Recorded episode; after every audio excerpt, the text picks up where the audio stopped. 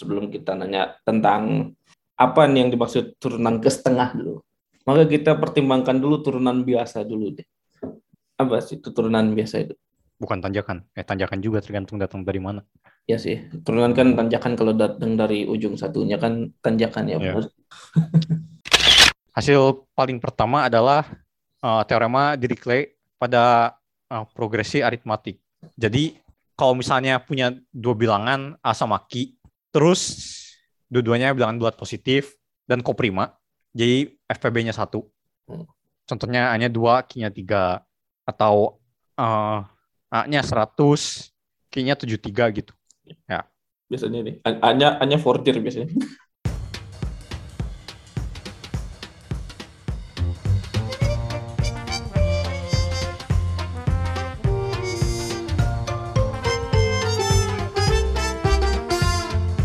Selamat datang di podcast Bebas Linear. Di podcast ini kami membahas matematika dengan bebas namun masih berada di jalan lurus. Ye. Masih bersama saya Rizky dan partner saya Lawrence. Nih hari ini gimana nih kabarnya nih? Waduh, baru beres pingpong. Lagi tumben soalnya, sejurusan pada, pada ngumpul. Ya pingpong ini turun bikin turnamen. Enggak. Ah, itu hal yang akan dibahas. Oke, seperti biasa kita akan bahas recent update dulu apa yang terjadi di keseharian kita atau apa yang lagi tren mungkin di media sosial. Kalau misalnya mau di skip bisa di mau langsung ke bahasan utama bisa di ke timestamp di deskripsi. Ya, ini gimana nih? Yang mau dibahas apa nih? Ya, jadi SCTP kan ini apa? Eh, dalam tanda petik anaknya sisa ya. Jadi sisa tuh apa? Ya. Sekolah normale, sekolah internasionale superiore di studi avanzati. Bahasa Hmm. Inggrisnya International School for Advanced Studies ya. Eh, SCTP itu anaknya sisa. Jadi anak ah, maksudnya ini salah. apa? Anak kayak anak apa sih namanya? Kayak anak perusahaan organisasi gitu lah ya. gitu loh. Ya. Ya, semacam gitu-gitu ya.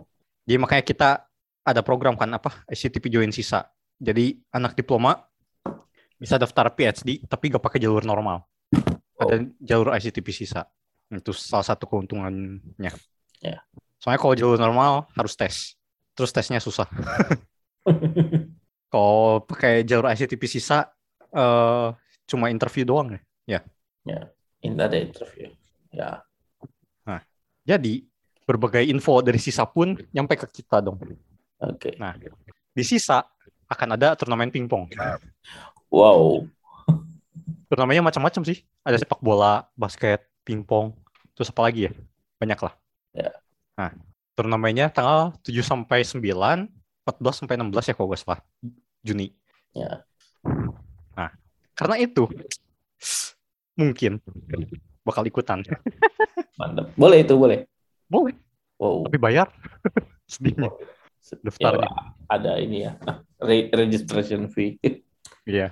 Nah, eh, mumpung deadline-nya masih minggu depan, kita cari tahu dulu hadiahnya apa. Kalau Ya. hadiahnya menggiurkan, hajar daftar. Kalau hadiahnya tidak menggiurkan, mager. Soalnya jauh. 50 menitan ya soalnya. dari Naik dari kampus kamu ya. Terus kan di sini, eh gue gak tahu sih, postdoc atau apa gitu lah. Ada orang Italia juga kan. Ya. Kayaknya sisa juga banyak orang Italia. Sepertinya ya. Hmm. Nah, sepengamatan gua, orang-orang Italia main pingpongnya tuh seragam. cara pukulnya, cara servisnya seragam semua. ya, sisa jauh 50 menit. Ya. Dari sini naik bus. Nah, makanya kalau hadiahnya tidak menggiurkan amat, mager ikut jauh. Ternyata hadiahnya apa? ini? Nggak tahu. belum Oh, nanya. belum. Oh, belum tahu. Nunggu teman saja yang nanya. Kan teman udah ada yang keterima kan di sisa. Ya. Ya, dapat infonya juga dari doi, nunggu doi aja yang nanya. Nah, terus Ya. kan ya itu tadi eh, Ya, yang harus- betul. Italia itu cara mainnya seragam. Ya. Lu servis gimana? Servis kalau main pingpong ya. Gue ke atas terus dipukul kan gitu kan. Oh, Apa? semua sih begitu. Cuma mukulnya bagaimana? Apakah tangannya menyamping, raketnya menyamping, Oh, tegak gua- lurus, forehand Gua backhand, tangan, tangan gue agak ke samping sih. spinning enggak? Nggak terlalu merhatiin gue. Gue gue nggak inget juga sih. Oh, oke. Nah, yang Italia itu cara servisnya seragam semua yang pernah gue lawan ya. Caranya adalah si apa bednya lurus tegak lurus. Dia lempar agak atas terus dia mukulnya rada ke bawah. Bednya tegak lurus. Ya. Nah, semua itu kayak gue tidak mengerti. Ini ajaran mana ini? Sama, sama semua servisnya. gue gak tau. Tapi tapi lu pernah merhatiin kalau misalnya gak tau gue. Kalau selama di Indonesia gitu di, di kan suka ada yang main pingpong juga kan depan himpunan kan. Nah, kan Itu gue lu- belum tertarik pingpong. Oh iya sih. Ya. Iya juga sih ya. Maksud gue gak tahu apa mungkin mungkin sebenarnya sama aja kali In- intuisinya orang main pingpong pertama kali kayak gitu cuma gak tahu atau gak tahu juga gitu. Kayaknya ini udah bukan pertama kali sih, udah lumayan sih mainnya. Cuma seragam aja, nggak apa sudah susah merubah gaya servisnya. Ya. Tapi kalau kata gue yang intuisi mah yang nyamping gak sih? Ya, ya nyamping yang itu lebih kayak, gampang. kayak gue kayak kayak ya gue gue kayaknya ngelihat orang yang main pingpong di kampus kayaknya kebanyakan ya sama sama semua gitu gayanya paling yang Nyamping. ngebedain ya nggak sih Mungkin nggak tahu. Kan ya gitu. tapi ya maksudnya kayak yang ngebedain paling yang dia tahu nggak nih posisinya kayak gimana kalau gua kan ya karena nggak jago-jago amat jadi kayak suka Oh, los ya, suka los tiba-tiba gitu ya, ya. paling yang ngebedain itu Nah, kalau gue backhand, servisnya selalu backhand. oh Karena lu tahu gak sih ada aturannya servis? Ada ada ada ya kan kan Ya. harus kena Jadi si bolanya tuh gak boleh dipegang pakai jari, mesti di telapak tangan dilempar. oh maksud Itu yang eh, benar. nggak boleh dipegang pakai jari. di Gak telapak boleh tangan pakai jari dilempar, harus di telapak tangan baru dilempar. di Itu kayak sebenarnya yang benar. ini kayak apa kayak megang mau ngelempar koin gitu Lempar koin taruh di telapak tangan lempar dalam tapi maksudnya bukan digeng bukan kayak digenggam gitu kan tapi kayak ya di- bukan digenggam. Ya oh Ya harus Oh. di telapak tangan terus lempar. kalau itu gak tahu tahu Nah, itu aturan yang benar. oh iya Kar- Karena itu gua tidak forehand karena pas service forehand uh, spinningnya kurang. Makanya selalu- sekarang selalu backhand, lebih spinning. oh iya Terus lebih bisa ngatur jaraknya. Kalau mau dekat mau jauh, mau kanan kiri. Ya. Terus eh, ini harusnya lu tahu sih. Ta- uh, gak boleh pegang meja pingpong. Oh ini juga gue gak tahu Oh, gak tahu, dikirain tahu dah. Soalnya ini standar banget. ya kan saya tidak prakti bukan praktisi juga Hmm. nggak Jadi kalau lu mau mer- meraih bola, mengejar bola, tangan kan misalnya lu gak kidal kan, tangan kanan kan. ya tangan kanan Nah, tangan kirinya tuh gak boleh megang meja. Pokoknya sebenarnya bagian tubuh apa pun gak boleh kena meja. ya gak boleh kena ininya lah oh ya Hmm. Nah, itu yang benar. Nah, di sini pada tidak benar sih mainnya. Nah, maksudnya itu kayak gue gue kayaknya kalau main juga gak sampai yang nyentuh meja gimana gue cuman cuman kayaknya gue gak tahu kalau itu full gitu ya, terus ya itu sih servis-servis pada gak bener gak ada yang ya temen gue gak ada yang bener. Tadi sih gue doang yang bener. terus lo ma- udah main sama orang Italinya lah, langsung ya ya orang Italia gak tau postdoc atau apalah. Pokoknya suka ada lah. main di tempat situ ya Ya. Nah. wow Servis yang begitu gampang di smash. servis yang Servis orang Italia ini gampang di orang smash. Italia yang kayak gitu lah gampang di counter lah ya betul Ya, enggak sih, nggak tahu. Soalnya gue sudah bisa anti spin, jadi semua bisa di smash. wow memang praktisi pingpong ya dong. Nih, salah satu orang yang terlalu gila pingpong, nyari di internet, cari apa aturan bola. Ya teknik juga kan belajar dari itu. Gue langsung dari gold medalist Olimpik. Lihat di YouTube. hmm. Makanya, hmm, cara pukulnya begini-begini, ikutin aja. Ya bisa juga. Tapi gak tahu kualitasnya. itu kan Apa? ya itu kan itu kan hasil latihan bertahun-tahun juga gitu kalau baru mulai kadang sekarang Hah? Gitu Oh enggak sih. kalau aku Kok baru mulai adanya cedera sih. ya sama itu juga karena langsung dicoba teknik yang susah-susah badannya nggak kebiasa kadang jadi kadang rada sakit kok mainnya kelamaan tapi mantap ini kita. Kita nantikan saja gimana nih. Ya, ditunggu saja kabarnya bakal jadi ikut atau enggak. Ikut apa ini jadi ikut apa enggak dulu kali ya. Iya. katanya hadiahnya ini minyak sama sembako. Masa kalau enggak hadiahnya ini Indo- Indomie yang micinnya sama kayak di Indonesia mau nggak ada sih itu import itu iya Indomie import emang gila niat banget import Indomie doang ya. terus orang-orang sini sih Ya, yang ngasih kan orang Italia juga kayak udah biasa lah Indomie begini bumbunya. Pasti beli yang di toko Asia juga.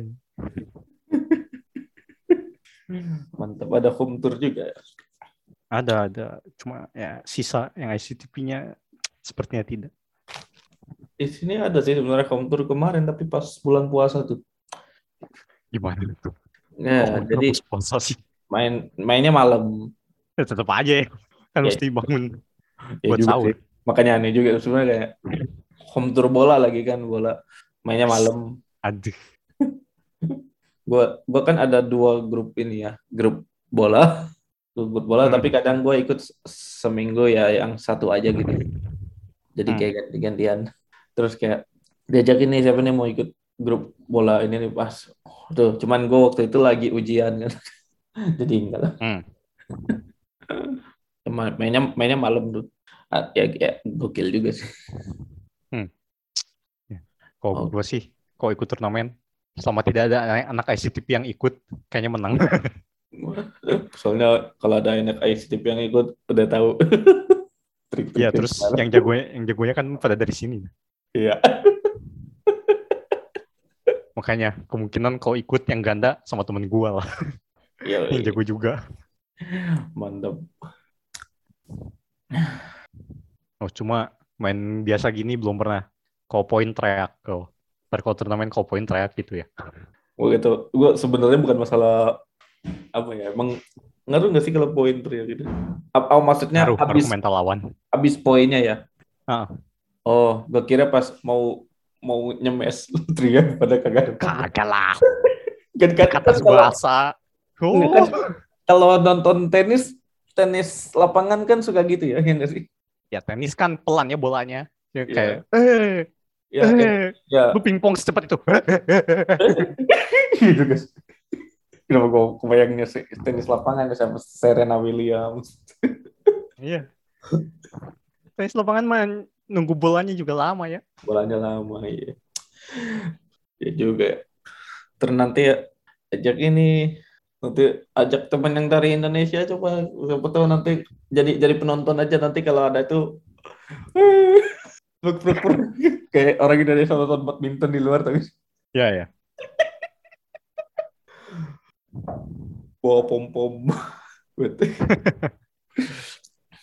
tapi tapi bagus sih sebenarnya home home tour itu.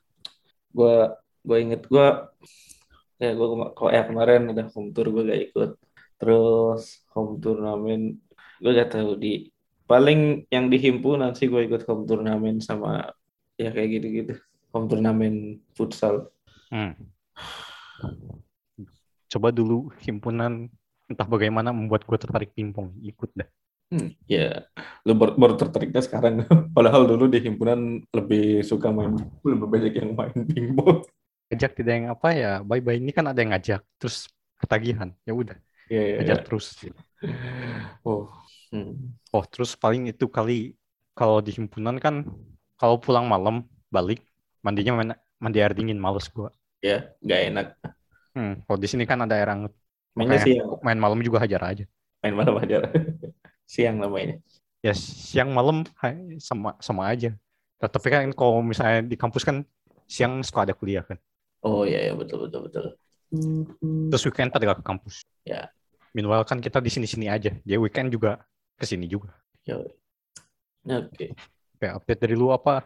Update dari gua apa ya? Ini lagi mas masih masa ujian sih. Sampai kapan? Sampai minggu depan. Ini apa? Ujian ujian ini final project aja. Gua ujian Senin depan sama Oke, pas ini tayang sih Senin kemarinnya. Dua tanggal 23 sama tanggal 30. Udah itu ujian terakhir. Mantap, good luck, good luck. Sisanya tesis, ajar tesis. Ngejar tesis. Terus lo di IG story apa mau nyelesain apa gap of prime? Nggak nyelesain.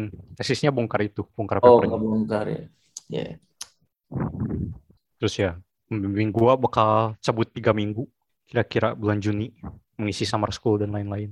Sama school. Jadi disuruh bongkar sendiri dulu. Ntar abis dia balik baru ketemuan. Summer schoolnya ICTP bukan ICTP kan kayaknya ada summer Bukan. school juga. Oh, So ICTP ada summer school ada. iya iya, ada. Cuman kita apa tahun kemarin nggak ada karena COVID. Hmm. Sama ini Ab, Ab, Habib dari dari Habib. Katanya kalau PhD di Italia mau ngasih unjuk ini pizza pakai apa? Pizza pakai lemon. apa bisa pakai nanas? Hmm. Tapi dia pernah Mati ngobrol tuh. apa? Mati disalib tuh. Ke Vatikan, salib di Vatikan ya. tapi emang tapi gue tapi gue gue kalau baca baca dari apa dari meme di internet ya at least atau Hmm. dari apa diskusi-diskusi gitu emang tapi se- sebenarnya kayak orang orang Italia kayak kayak benar-benar menghargai makanan gitu apa ya Menghargai enggak ya? Ya, menghargai lebih strict lah soal makanan. ya ya maksudnya kayak Spaghetti gak boleh patah. Mm, betul itu Terus pizza ya, ya kudu pizza Italia lah intinya. terus harus dibakar gak sih Oh mungkin, yang itunya nggak tahu. Ya, kayak gitu gitu terus Ya. ada lagi apa pasta gak boleh sama ayam gitu Kayaknya enggak sih. Di kafetaria boleh-boleh aja. tapi gak tau kalau di luar aku, aku ada ada seingat aku ada ya, yang kayak gitu-gitu Pokoknya intinya melakukan kekejian terhadap makanan, ya kita bawa ke Vatikan salib aja. blasphemy ya Iya. oke bahas apa lagi ya kayaknya bahas bola Oh ya, sudah akhir musim. ya sudah akhir musim terus kita terbit gini kita udah pas pas terbit pas tayang ini pas pas kita rekaman kita belum tahu nih juara Liga Inggris siapa nih Tebak. gak tahu feeling gue justru kenapa lebih ke Liverpool ya Ya, gue tetap City. Oke. Walaupun City sekarang tuh lagi masih unggul kan. Ini cuma beda satu poin, greget sekali. Ya maksudnya terus tiba-tiba City sampai menit menit 90 masih seri gitu. Tiba-tiba Gabriel Jesus. Atau De Bruyne. Oh, emang Madrid nih. Gila tuh Madrid comebacknya. Menit-menit akhir mulu. Edan emang. Kalau itu Edan emang. Menyedihkan. City soalnya so- soalnya City saya saya sering lihat yang di- dibanggain Aguero tuh. Aguero 90 plus 2 apa. Udah sadar mereka di, di comeback. Madrid, Hmm. Oh, Madrid terus teman dua. gue itu bikin meme. apa? Yang golin pertama kan Mahrez ya? Iya. Nah, terus kan temen gue ada yang orang Aljazair. Terus Iya. suka bercanda lah semua yang Kamerun yang Kamerun. Ini gimana Aljazair suka ngerayain duluan mulu sih? Oke, ke comeback. jelek. Hmm. Iya. Tapi gak tau, entah kenapa Man City lawan Aston Villa tuh kayak entah kenapa kenapa Aston Villa tuh kadang suka merepotkan juga. Ya, mungkin. Entah kapan saatnya. Ya itu dia. Tapi kalau sampai Liverpool, tapi gokil sih kalau Liverpool sampai quadruple Juara. gitu. Eh, tapi nggak harus quadruple juga kayak juara ini aja. Kayak epic comebacknya bener-bener literally terakhir. Itu ya. Hari H. Hmm. Oh ya, kan Bundesliga udah beres ya? Ya. Soalnya lebih sedikit kan timnya. Cuma Ya. 18. 34 laga kan. Terus tahu nggak yang kelima? Yang kelima apa Union Berlin. Iya, keren ya. Iya, kalau itu keren. Nah, eh, Karena ironinya 2019 berpromosi. ya Terus pemain termahalnya adalah 4 juta. 4 juta ya. Pemain termahal kedua. Terus di Bundesliga udah bisa finish kelima. Kayak gila. Sebenarnya yang ironinya lagi bukan karena finish kelima. Itu itu keren. Cuman ironinya lagi si tim sekotanya Hertha Berlin itu di 16 sekarang. Ya. Di 11 terakhirnya. 16 itu Hmm. berarti ya Degradasi. degradasi. Enggak degradasi sih, dia playoff. Oh. Hmm. Playoffnya dua leg terus yang leg pertama kalah. Hmm. Tapi gak tahu di leg 2 belum main. Makanya Union Berlin keren dah. Ya, itu itu keren. Mantap. Terus, oh, Serie A juga belum ada. Ya, belum ada juara. Belum tahu dikit. Tapi gua senang. Karena udah bukan Liga Juve. Iya. Inter ya. Inter sama Milan. Ya, lagi. Milan. Milan Akhirnya sama Milan. kembali. Milan sama Milan betul sih. Ya, yang penting bukan Liga Juve. Saya senang. Iya. Terus, oh, yang Liga gede malah Liga udah ada lah ya. Liga udah Madrid. Madrid. Big Ang juga sudah PSG. PSG. Apalagi Apalagi ya? Itu kalau dari gua ada update basket sih. apa ini? Oh iya ya, kayaknya gue di timeline gue juga muncul basket sih, cuma gue gak ngerti basket. Oke, Ah. gimana gimana nih? Tahu sistem basket nggak? Eh, playoff kan? Ter- Sekarang udah playoff. Sistem playoff tahu? Playoff tuh kayak ada East ada? West. Jelasin Gitu. dari standing. Nah, jadi kan kalau NBA kan ada dua ya. Ya, East Ada sama West. Eastern sama Western. Ya, East sama West betul. Nah, terus 7 sampai 8 besar tiap kubu East dan West masuk playoff. Hmm. Nah, playoff-nya berantemnya East dan West doang. Jadi playoff-nya yang East lawan East, yang West lawan West. Ntar sampai dapat pemenang East dan West, finalnya itu. Ya. Nah, sekarang lagi final di masing-masing conference. Masih East dan West ini ya. Masih, ha, tapi udah final. Jadi di East itu ada Celtics sama Miami Heat. Oh, Nah, terus di West ada Warriors sama Maverick Dallas. Warriors. Golden State ya. Ya. Nah, sampai rekaman ini, Heat sama Celtics tuh satu, lagi satu-satu. Oh ya, kalau playoff tuh mesti menang empat kali. Ya maksimal tujuh kali main. Hmm, ya. Dan pasti pasti ada yang menang, ada yang ini, ya kan? Karena karena kan Ya, pasti perpanjangan waktu. pasti perpanjangan waktu kalau ah, belum Kalau ada yang seri. menang. Ya kalau seri Ah. betul. Ya. Terus Heat sama Celtics sekarang satu-satu, Warriors 2-0 sama Oh. Dallas. Nah, terus kan gua suka nonton apa? Highlight ya. Ya. Nah, karena Heat dan Celtics tidak tahu pemainnya siapa, gak ditonton. War- Warriors sama Dallas, gua tahu pemainnya. Siapa aja Nah. nih? Warriors mah standar lah, Stephen Curry, Klay Thompson, Draymond Green. Oh, Terus sekarang yang starternya lagi Andrew Wiggins sama Kevon Looney ya. Padahal biasanya Jordan Poole tuh. wow. Si Stephen Curry tahu ya. Curry harusnya tahu lah. tahu tahu. Oh, di Dallas, kalau yang suka basket, tahu Luka Doncic. Oh, Doncic tahu. Kalau itu tahu. Doncic. Oh, tahu. Doncic kan. itu dari ini kan dari mana dia? Dari Kroasia apa ya? Hmm, bukan, Slovenia. Iya ya, dari Di Ljubljana, wah kita akan ke Ljubljana bulan depan. Wow. Lo lo lo Ya. ke Ljubljana. Kayaknya, Wow. with high probability. Diajak jalan-jalan apa apa? Apa conference apa? Jalan-jalan lah. Oh, kirain. Maverick Dallas nih terlalu mengandalkan Doncic doang. Hmm, ya. Doncic sentris. Warrior sudah tidak sentris. Ya motornya mah tetap Curry lah ya kan. Apanya namanya? Bukan playmaker, ya kayak playmaker. Ya. Nah, di Dallas juga Doncic, tapi seringnya balik lagi bolanya ke Doncic juga. Hmm. Mulai dari dia dan berakhir di dia. Kayak timnya terlalu mengandalkan Doncic. Menyedihkan. Tuh, basket. Saya nonton basket. Saya sebenarnya kalau nonton basket sih suka-suka aja. Suka suka nontonnya sih kalau kalau misalnya ada ya boleh lah nonton basket. Ya. Tapi cederanya basket tuh lebih serem. Ya lebih lebih seru mungkin. Kalau itu ya. Eh bukan lebih seru, lebih serem. Cederanya. Oh, stop. Oh, cederanya. Kayak lu bisa lihat, aduh, ankle-nya itu, eh, serem. Oh, Ankle geser kayak udah biasa gitu. wow. Tapi gue suka suka basket lebih lebih free flowing aja sih. Hmm. lebih ini kalau dibanding bola ya mungkin gue gue suka nonton misal kalau waktu masih di kampus tuh nonton yang anak basket apa kalau ada turnamen tuh nonton Hmm. Terutama tim tim basket putri Adeh. tapi tapi tapi kadang seru juga gitu ditontonnya gitu Hmm. Ya. Hmm. kalau ini kalau Kak Kyrie Irving tuh di mana ya gue pernah denger Oh, Irving udah pindah ke ke mana ya? Eh, pindah nggak ya? tadi di mana kita cek. Irving, Irving. Ya, benar sudah pindah. Sekarang di Brooklyn Nets. Ah, ini nih yang menarik. Brooklyn Nets tuh tim apa? Tim superstar kayak PSG. terus Tapi tidak masuk playoff. Eh, masuk playoff nggak ya?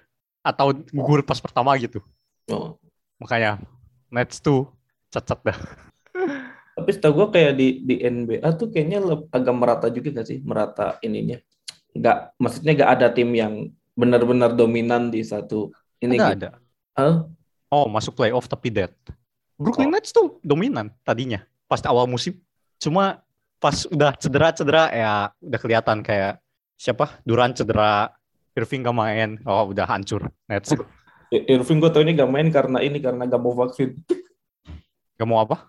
Gak mau vaksin. Iya, cacat emang. gue tahu tuh.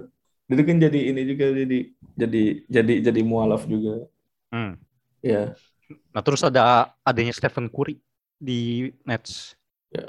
Ini ya kayak nih ada Kevin Durant.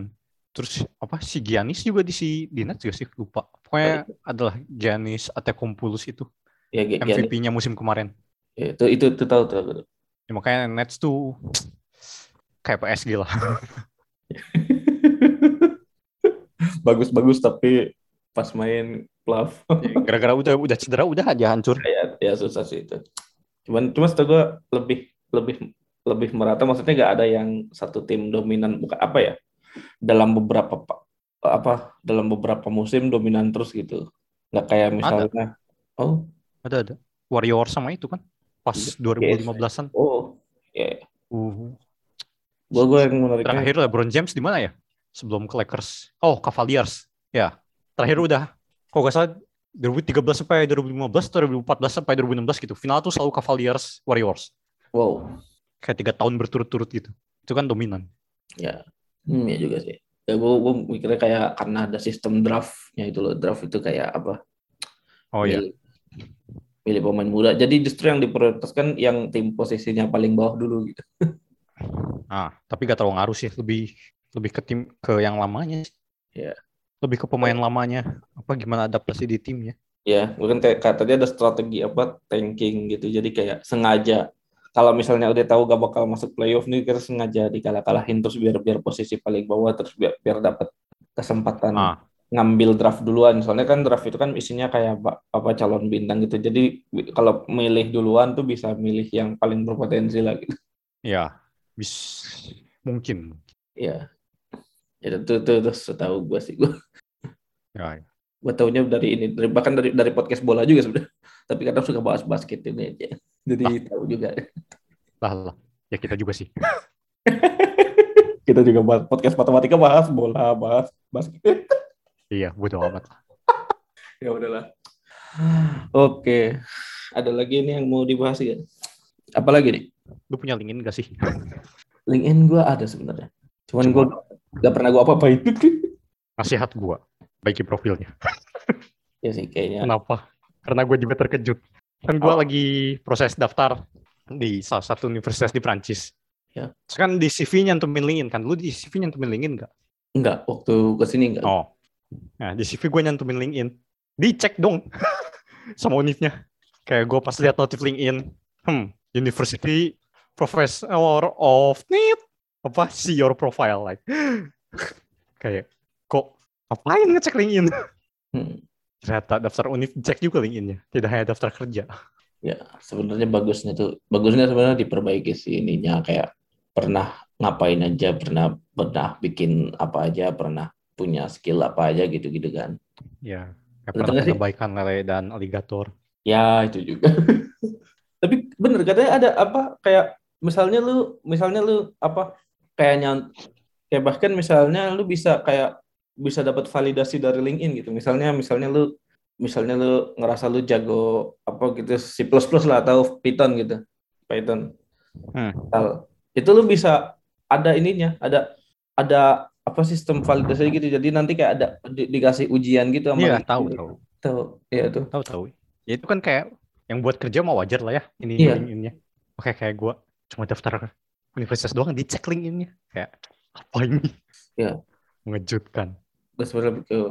Nah itu mungkin jadi kalau yang mau diperbaiki dari LinkedIn apanya nih? Eh yang dibuat ditambahin apanya nih? Ya gue juga nggak tahu. Pokoknya LinkedIn dicek ya perbaikilah apa pun yang bisa diperbaiki. Ya, ya kalau misalnya pernah ikut lomba apa apa masukin aja. Nah ini home tour mungkin bisa dimasukin. Tambah tambah LinkedIn aja, betul. Om turnamen. Anda ntar di scouting tim pingpong timnas Indonesia. Ade. Cari deh di YouTube atlet pingpong Indonesia. Kurus. Kayak gak dikasih makan apa? Sedih banget. kan kalau berita atlet yang kayak gitu kayaknya sudah sering kita dengar ya. yang tidak diurus federasi. Iya. Iya Terus sudah. atletnya juga lah workout dikit lah kan dah atlet kurus banget dah Ya ya sih. Kayak sekarang kan gue lebih berisi ya. Saya Iya. push up sit up hampir tiap hari. Wow. Dulu pas tidak itu kan lumayan kurus. Itu yang atlet lebih kurus dari gua. Menyedihkan ya. Atlet. Tapi lu ngikutin gak yang SEA Games, SEA Games? Enggak ngikut medal aja. Oh, beda. Saya SEA Games paling ikut yang bola. Oh, tapi mending loh. Kita cuma kalah 1-0 dari Thailand. Biasanya kan dibantai kalau udah lawan Thailand, Vietnam. Ya, mesti dibantai terus. Cuma sedih juga sih. Nggak sedih sih sedih. Cuma improve-nya udah lumayan. Woy.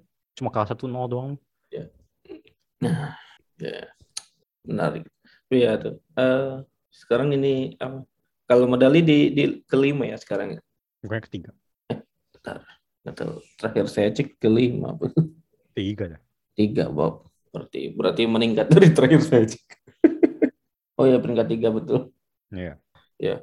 Berarti berarti naik ya. Soalnya terakhir terakhir aku cek ya, lima.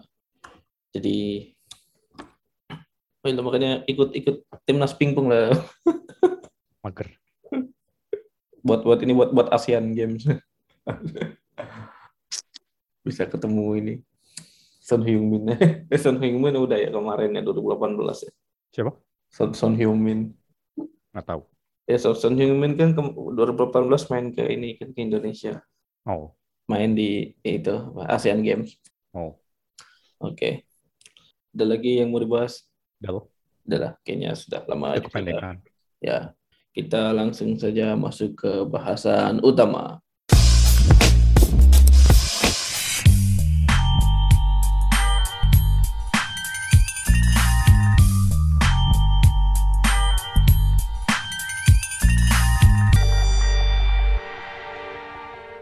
Di hari ini kita mau bahas apa nih loh? Ya, jadi kita mau bahas apa yang kita kerjain di disertasi atau tesis. Ya, maksudnya nggak full apa kita udah ngerjain apa kan Kiki belum ya? Ya saya baru mulai banget ini kan kayak ya PhD mah Ya. lama lah ya. Ya, jadi kira-kira topiknya apa lah ya? Ya, Ya, begitulah. Terus ya siapa tahu ada yang penasaran mau mengikuti jejaknya gitu. Ya. Mau topiknya mirip atau sama. Nih mau siapa dulu nih yang mulai nih? Ya lu lah. Jadi saya dulu. Oke. Jadi ini apa yang saya kerjain atau at- tepatnya apa yang akan saya kerjakan ya? Hmm. Mungkin untuk tiga atau tiga setengah tahun ke depan kalau nggak ganti. Tapi jadi ini yang saya kerjain atau a- apa yang saya rencanakan untuk kerjakan ini adalah namanya cabangnya kalau umum cab- umumnya nih cabangnya fraksional kalkulus. Sebenarnya secara khusus ada fraksional Laplacian, cuman kita bahas yang kalkulusnya dulu lah ya. Bukan cabangnya Cahum Ledeng. Oh, bukan ini ca- cabangnya cabang ganda campuran. Oh. Kenapa cabang? Itu jurusan bukan cabang namanya. Aku ledeng. Oh iya ya. Beda. Jurusan mana? Jurusan jurusan mana? Jurusan Cicahem bukan gitu. Kalau cabang Benar. itu cabang cabang cabang pingpong itu bukan. Nah, Jadi apa fraksional kalkulus kan? Ya kalau kalkulus kan kita mempelajari limit, integral, apa turunan gitu-gitu ya. Nah, jadi Hmm. kalau fraksional kalkulus itu dia kalkulusnya mempelajari turunan dan integral yang sebagai operator dia yang ordernya tuh fraksional atau pecahan. Ordernya tuh pecahan, nggak bulat gitu. Jadi maksudnya apa sih order pecahan ini? Jadi kan kalau misalnya fungsi kan ada ya yang bisa diturunkan berkali-kali ya gitu. Bisa diturunkan sekali, dua kali, tiga kali gitu kan. Hmm. Ya kayak fungsi eksponen, eh, fungsi, fungsi polinomial lah. Fungsi polinomial kan bisa diturunkan berkali-kali, fungsi eksponensial juga gitu. Nah, di sini kita memperumum ordernya gitu berkali-kalinya itu jadi tur ada nanti dikenalkan istilah keturunan yang setengah kali gitu diturunkan setengah kali diturunkan 4 per 3 kali dan bahkan bisa untuk bilangan real juga gitu diturunkan pi kali gitu. Hmm. atau diturunkan dikali Hmm.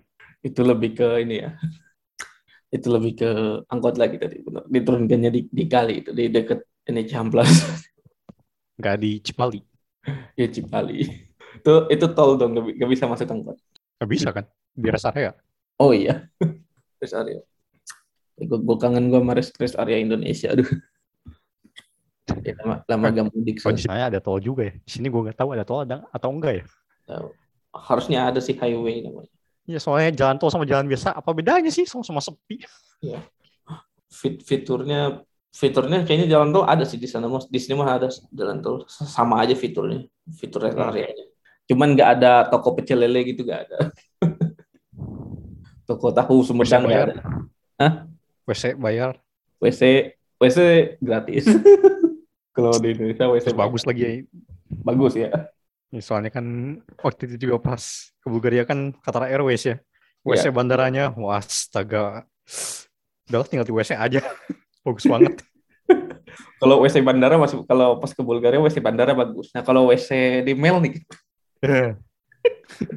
B aja sih.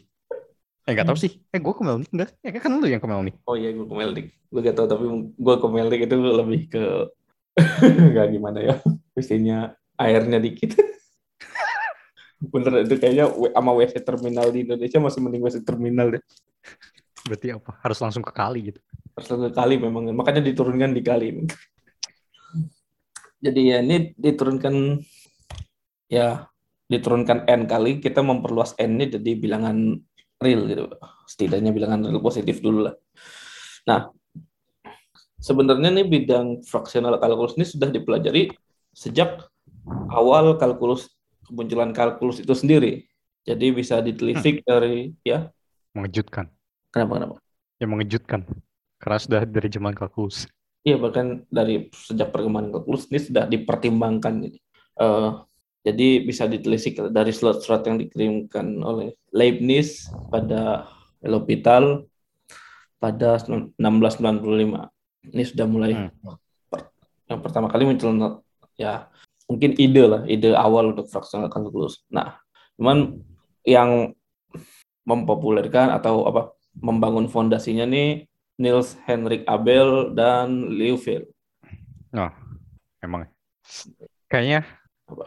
ada beberapa matematikawan yang kerjaannya sangat fundamental gitu. Hmm, ya. Yang yang yang apa?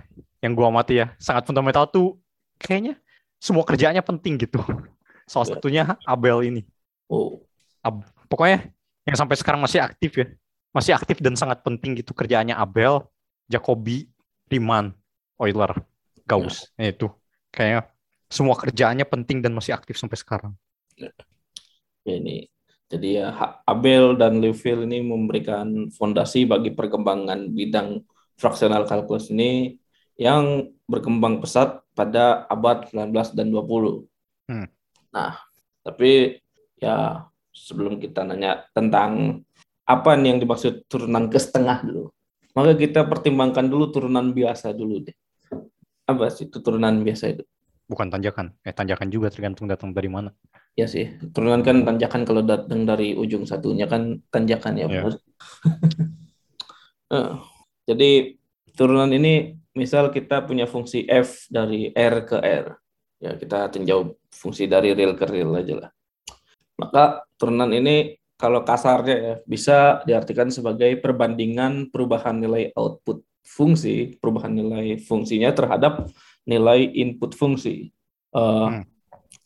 Jadi kalau misalnya kayak ya emang sebenarnya bener sih analogi turunan itu kayak gitu ya.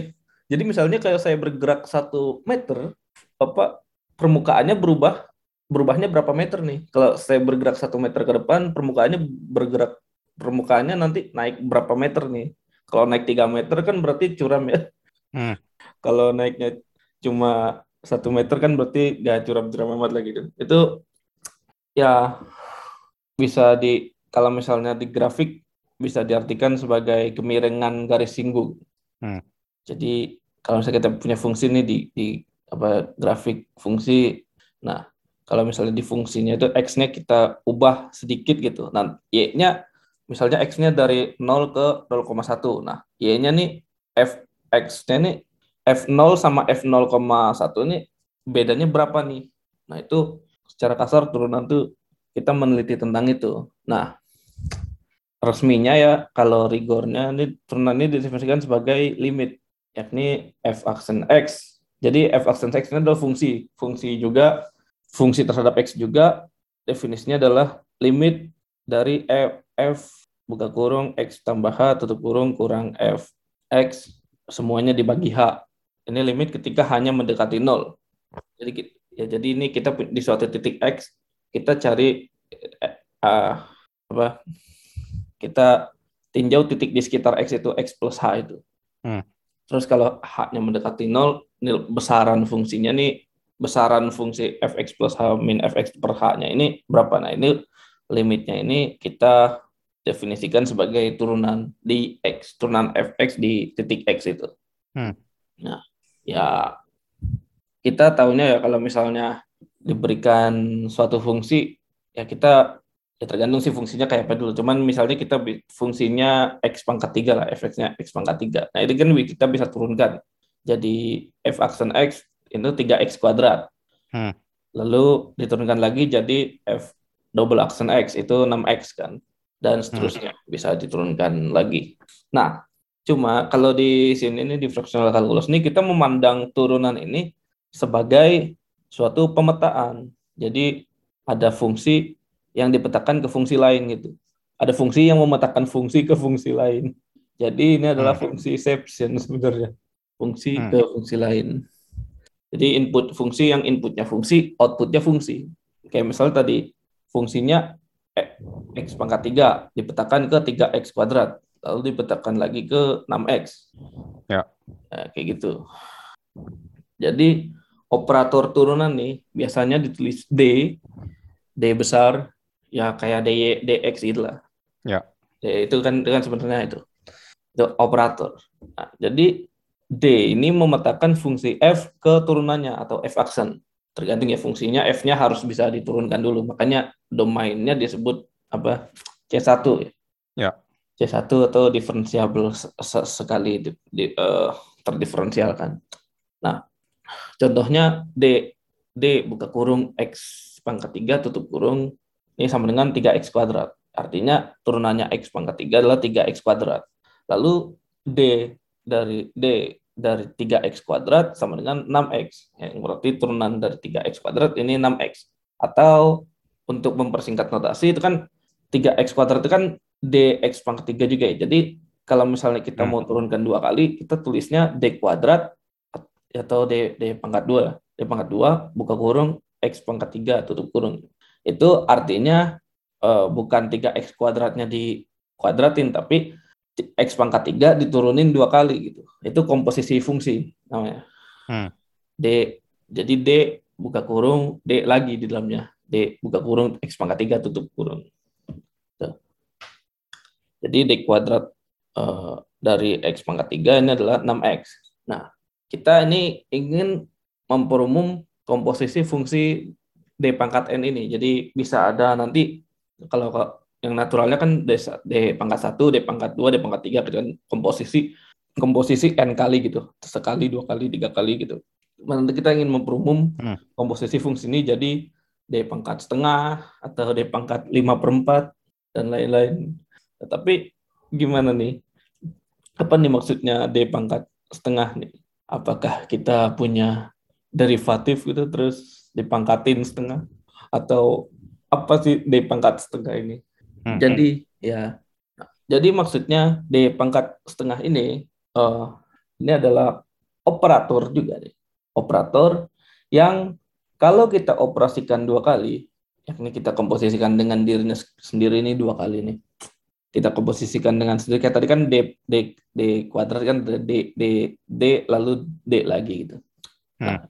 Jadi D pangkat setengah ini adalah operator lain. Ini operator lain kita belum tahu bentuknya kayak gimana.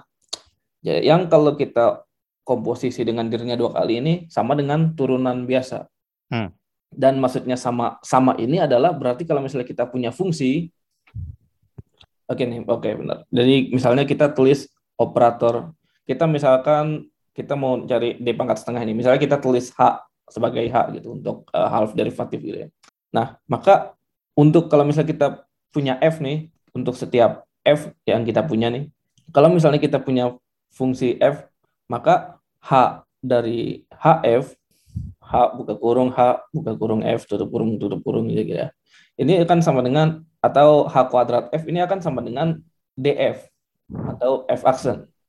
Jadi ini adalah fungsi lain yang uh, fungsi lain yang kalau misalnya kita komposisiin dua kali akan sama dengan operator uh, turunan si half derivatif ini.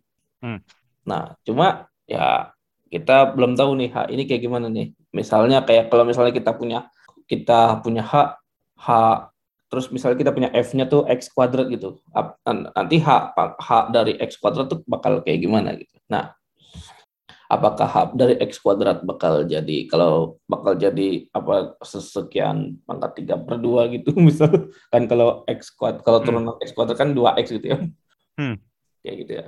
Apakah ini jadi bakal h pangkat tiga per dua gitu nggak tahu. Karena ini kita belum tahu nih turunan bentuk turunan ke setengah ini kayak gimana. Uh, nah ini saya acuannya kalau dari buku yang saya pakai ini ternyata yang lebih natural untuk di perumum ini integral. Ya kita memandang integral sebagai anti turunan atau proses kebalikan dari turunan. Hmm. Jadi yang lebih natural ini buat di perumum operator integral. Operator integral ini biasanya ditulis J. Kenapa J? Karena I biasanya buat identitas ya. Operasi ya, ya. Kalau di operator. Jadi kalau di operator betul-betul. Nah, identitas identitas itu apa? Identitas itu ya berarti kalau misalnya kita punya F, I, I apa I F sebenarnya F gitu. Nah, jadi operator integral nih kita definisikan sebagai J. Misalnya kita punya F ya, fungsi F. Jadi J, F JFX itu itu sama dengan integral dari 0 sampai x ft dt. Ini integral biasa. Cuman kan kalau misalnya integral kan ada banyak ini ya. Sebenarnya kalau integral tertentu kan banyak pilihan ya, ya nggak sih? Banyak ya, pilihan tergantung konstan. Ya, tergantung konstan kan. Anti turunan tambah konstan kan. Nah, ini kita milih satu fungsi yang uh, nilainya ketika x-nya 0 itu 0. Hmm. Jadi kita pilih anti turunan yang nilai F F besar ya atau atau G lah. Misalnya si anti turunannya di G. Jadi kita pilih turunan anti turunan G yang G 0 sama dengan 0 gitu. Nilainya di 0 sama dengan 0. Ya, ini kalau interpretasi fisiknya ya bisa ya luas daerah atau total misalnya kita, ya, kalau misalnya kalau misalnya F F ini menggambarkan kecepatan ya ini si integral ini bisa menggambarkan jarak tempuh gitu, jarak yang sudah ditempuh. Hmm. Nah, lalu kita di keturunan tadi kita bisa komposisikan. Ya, ini integral juga kita bisa komposisikan. Jadi kita integralkan dua kali lah ibaratnya gitu. Dan dari integral itu kita selalu cari yang anti turunannya eh, yang anti turunannya punya nilai fungsi di nolnya sama dengan nol. Jadi j j kuadrat fx ini atau sama dengan j buka kurung J buka kurung fx tutup kurung tutup kurung nih sama dengan integral dari 0 sampai S hmm. buka kurung integral 0 sampai dari 0 sampai T ft dt tutup kurung ds jadi ini diintegralkan dua kali hmm. Dan ya kita bisa integralkan seterusnya n kali nah ternyata uh, kunci untuk memperumum integral ini adalah suatu formula untuk integral berulang dari Cauchy. Jadi formula untuk integral berulang ini, jadi kalau misalnya kita punya j misalnya j, pangkat n gitu, kita berarti kan kita nulis banyak variabel tuh, jadi kayak apa 0 sampai dari 0 sampai T1 dari 0 sampai T2 gitu kan. Hmm. Terus sampai Tn gitu. FT1, DT2, DT1, DT2 dan terusnya. Nah, tapi ternyata kalau misalnya kita punya J pangkat N dari Fx ini nggak usah ditulis dengan panjang gitu. Kita bisa langsung pakai formula Cauchy ini. Jadi ini J pangkat N Fx sama dengan satu dibagi buka kurung N min 1 tutup kurung faktorial. Jadi N min, 1 faktorial. 1 per N min 1 faktorial dikali integral dari 0 sampai X buka kurung X kurang T tutup kurung pangkat N min 1 kali FT dt. Jadi ini adalah kon- konvolusi ya, semacam konvolusi gitu. Ya. Ya, konvolusi dari fungsi ft dan x min t pangkat n min 1. Nah, jadi kuncinya untuk memperumum ini ada di faktorialnya. Di faktorialnya kan ada n pangkat n min 1 faktorial. Jadi kita bisa berumum n-nya nih jadi gak cuma untuk bilangan bulat aja. Jadi bisa untuk bilangan real positif. Setidaknya kita tinjau yang real positif dulu. Jadi kita bisa berumum n min 1 faktorialnya dengan fungsi gamma. Fungsi gamma ini memenuhi gamma n sama dengan n min 1 faktorial untuk n bulat. Jadi kita bisa didefinisikan untuk alfa real positif, alfa kalau misalnya kita punya alfa nih bilangan real positif, j pangkat alfa dari fx atau integral ke alfa dari fx ini sama dengan 1 per gamma alfa dikali integral dari 0 sampai x, x kurang buka kurung x kurang t tutup kurung pangkat alfa min 1 ft dt. Jadi tadi n-nya diganti alfa. Hmm. Ya. Nah, ada jadi jadi kita tahu lah kalau misalnya integral integral ke setengah itu berarti ya kita tinggal ganti alfanya dengan ke setengah gitu. Jadi gamma setengah itu bisa dicari nilainya. Satu per gamma setengah integral dari 0 sampai x, x kurang t pangkat min setengah ft dt. Gitu. Hmm. Nah, lalu ada sifat yang menarik yakni kalau misalnya kita punya alfa dan beta real positif, nanti kita bisa buktikan bahwa j pangkat a kali j pangkat b atau alias kalau misalnya kita integralkan integralkan dengan orde beta lalu kita integralkan dengan orde alfa ini sama dengan kita integralkan dengan orde alfa plus beta. Hmm.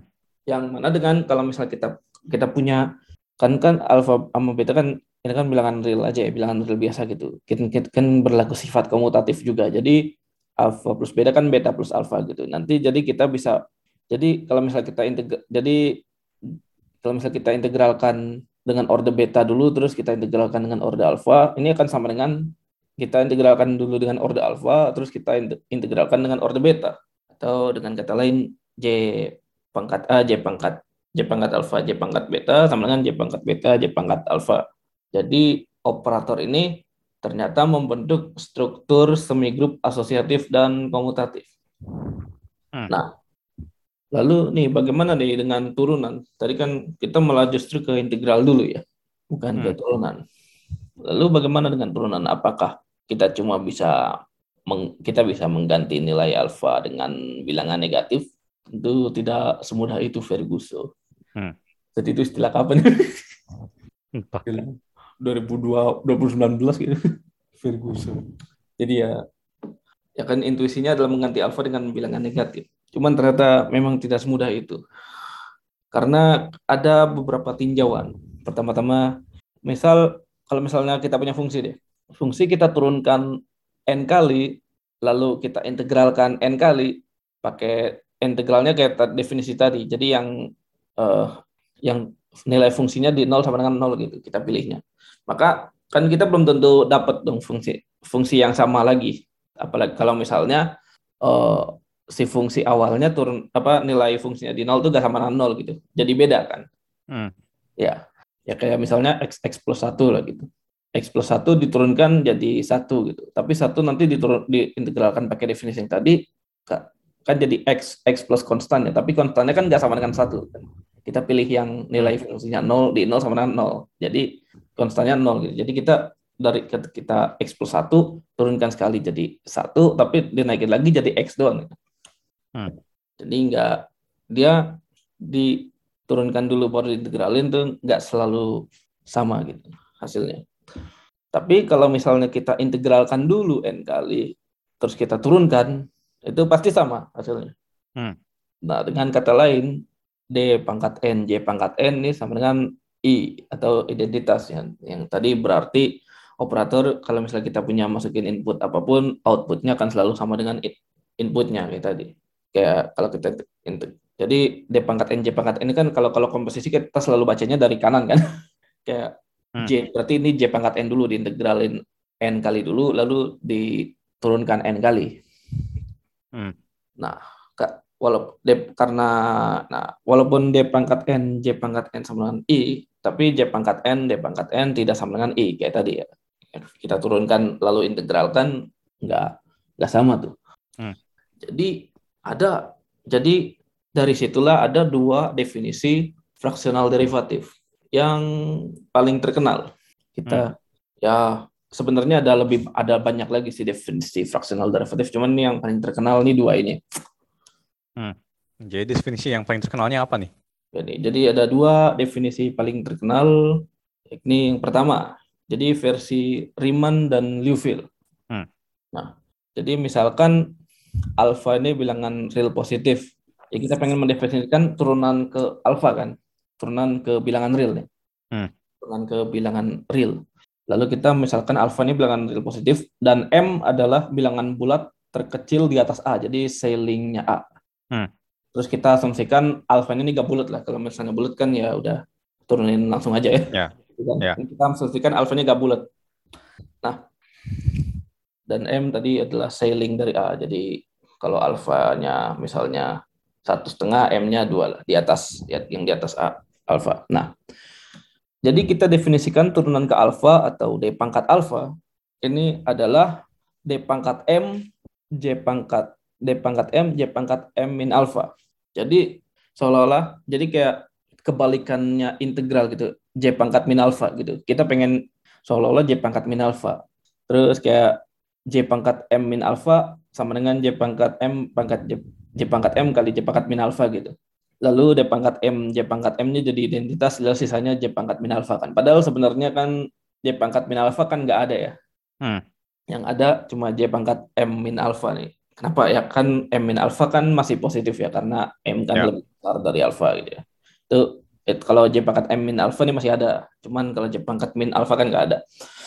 Jadi kita definisikan sebagai J, D pangkat alpha sebagai D pangkat M kali J pangkat M min alpha. Yakni kita integralkan dulu fungsinya seorde M min alpha lalu kita turunkan M kali. Hmm. Ya J pangkat M min alpha ya tadi bisa dilihat definisi di, sebelumnya tinggal dimasukkan aja uh, ordernya M min alpha. Nah, yang pertama.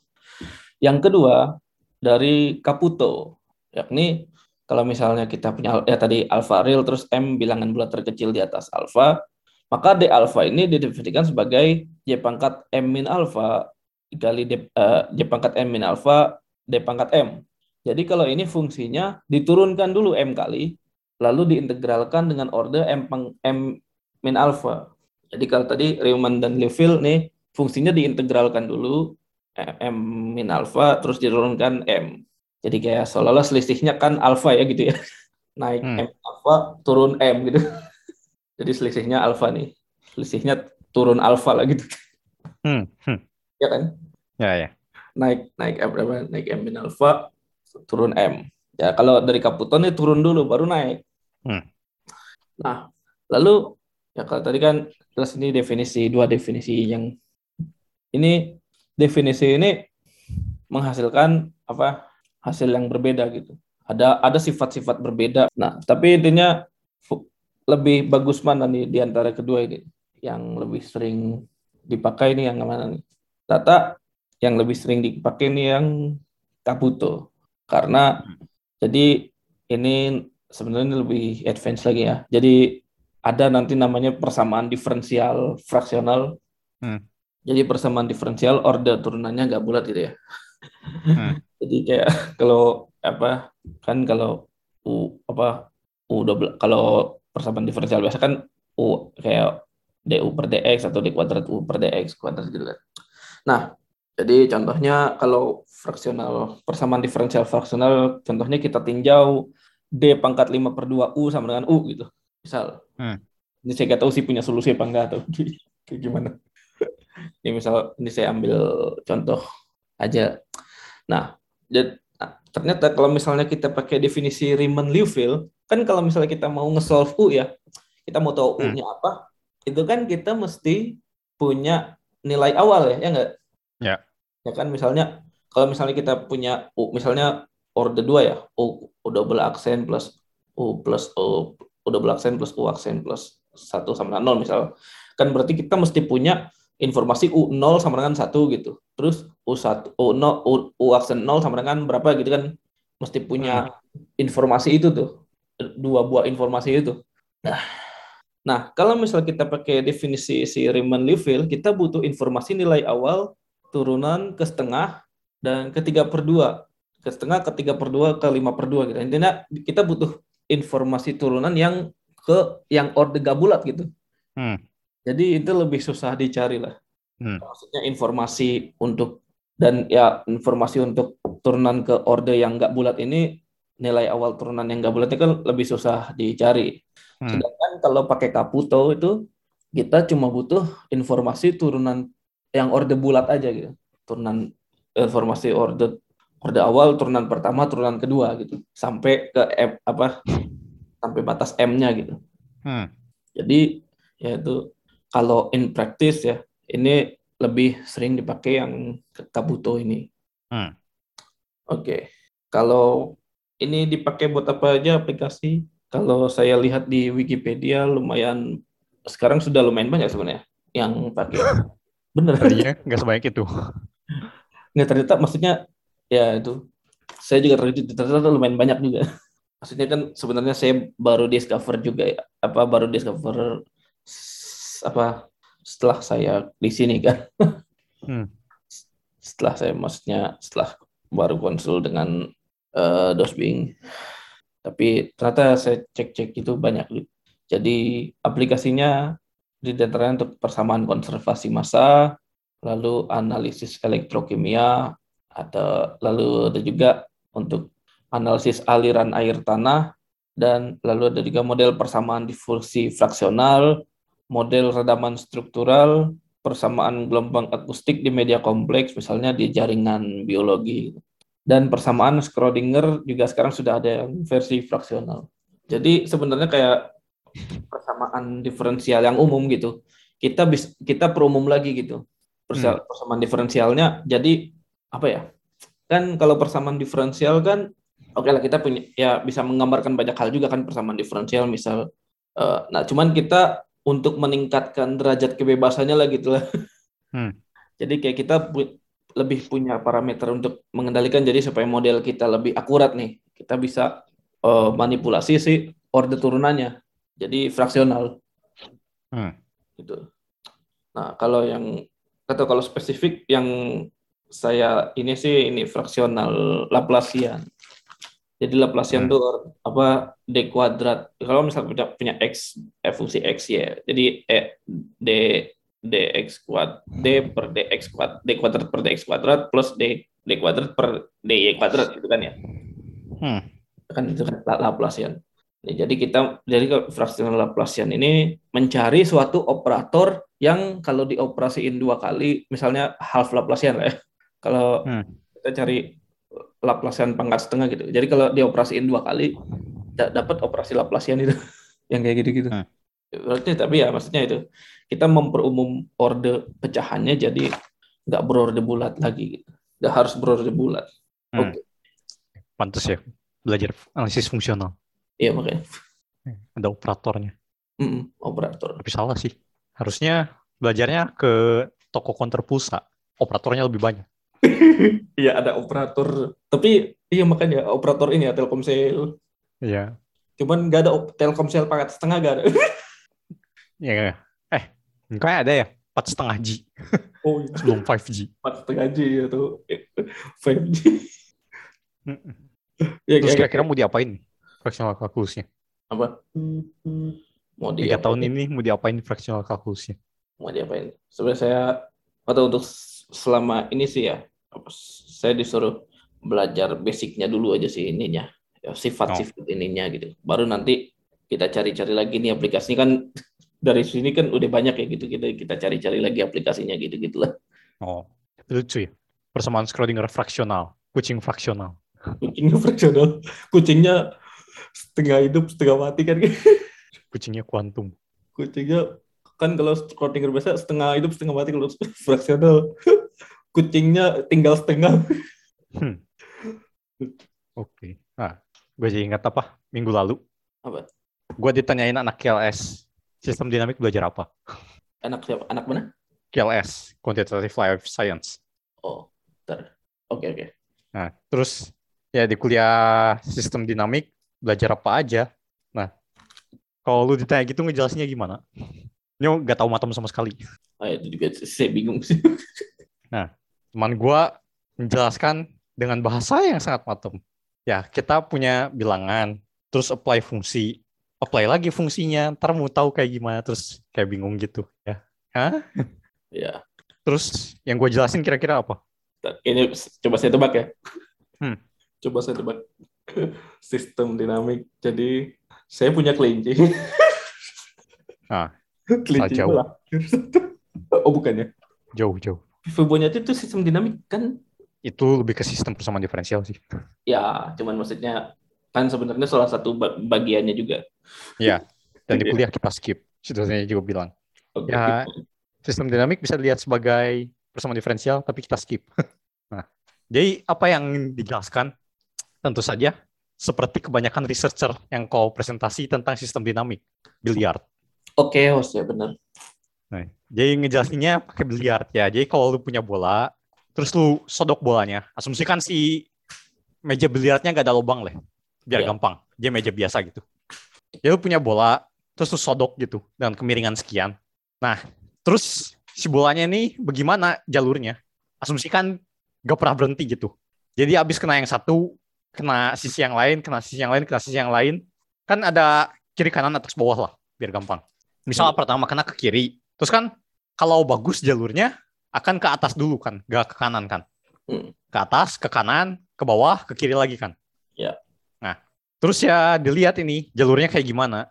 Akankah dia kalau apa balik ngenain titik yang pertama kali kan titik pertama kali ke kiri ya ya pasti kena si titik itu lagi enggak nah terus ya kalau enggak apakah dia cover semua meja biliarnya atau enggak oh terus kalau misalnya balik eh, baliknya ini berapa lama sekali? Seberapa sering? Hmm. apakah dia satu putaran langsung balik atau habis dua putaran baru balik dan seterusnya? Itulah sistem dinamik. Oh. Terus terus oh orangnya nge terus merasa tertarik jadinya nonton YouTube kuliah. Terus pada gue bilang di kuliah sih nggak gitu sih belajarnya. Lah, itu lebih- ilustrasi aja. Ya ya, ya gue lupa. Sebenarnya pengen gue pengen membayangkan sesuatu yang eksotik kayak butterfly efek gitu kan. Cuman apa ya? Oh iya biliar bener. Terus sebenarnya ada yang lebih bikin menarik lagi tahu nggak? Apa? jelasannya daripada biliar. Logo DVD kenapa? Lo tau logo DVD nggak? Nggak. logo DVD kalau ka- diem gitu. Itu kan kalau misalnya apa apa eh, mesin bukan mesin ya namanya. DVD player kalau misalnya nggak ada kasetnya ya kan ada screen saver ya. Hmm. itu nah ya itu juga bisa. Itu bakal nyentuh pojok apa? Masalahnya kita tidak tahu di negara lain DVD playernya kayak gimana. Oh iya juga Iya. kayak temen gue yang dari Mesir aja tahu Doraemon nggak? Nggak. Tahu Attack on Titan nggak? Tahu hmm. Apa yang salah? Mungkin Doraemon karena berbentuk sihir. Jadi di band. Doraemon the movie belum pernah di Mesir ya itu DVD player kayak mengingatkan pada ini juga. Sekarang kita belajar menjelaskan kepada pendengar yang mungkin tidak tahu amat matem ya. Iya. Oke, kita masuk ke topik gua. Eh udah lihat belum filenya? ya sudah Sudah? Oh ya gak penting sih. ada Oke, jadi topik saya eh, adalah analitik number theory, spesifiknya shift method. Nah, kita mulai dengan analitik number theory. Kayak aneh banget kan namanya. Number theory tapi kok ada analisisnya? Hmm. Kok bisa lah? Jadi prinsipnya sederhana. Kita belajar number theory. Number theory belajar tentang apa? Tentang bilangan bulat, khususnya bilangan bulat positif ya. Ya. Karena bilangan bulat negatif ya cuma minus satu kali bilangan bulat positif tidak terlalu menarik gitu. Ya. ya. Nah, sa- jadi cabangnya nih luas sekali analitik number theory. Ada yang multiplikatif, ada yang aditif. Multiplikatif tuh ya berarti pengen tahu struktur apa eh, faktorisasi primanya. oh Kalau aditif ya tentang penjumlahannya. Kalau misalnya, tapi lebih seringnya ke himpunan. Kalau punya himpunan sesuatu, tambah himpunan sesuatu, hasilnya kayak gimana hasil himpunannya. kayak gold Dan ada juga Goldbach gitu aditif. Goldbach aditif contohnya ya. Gold, Goldbach konjektur adalah setiap bilangan bulat positif genap yang lebih dari dua adalah jumlah dua prima. Ya. Tidak harus beda primanya. Nah, itu aditif. Yang multiplikatif salah satunya adalah prime number theorem. Nah, jadi apa itu prime number theorem? Ya, sesuai namanya teorema bilangan prima.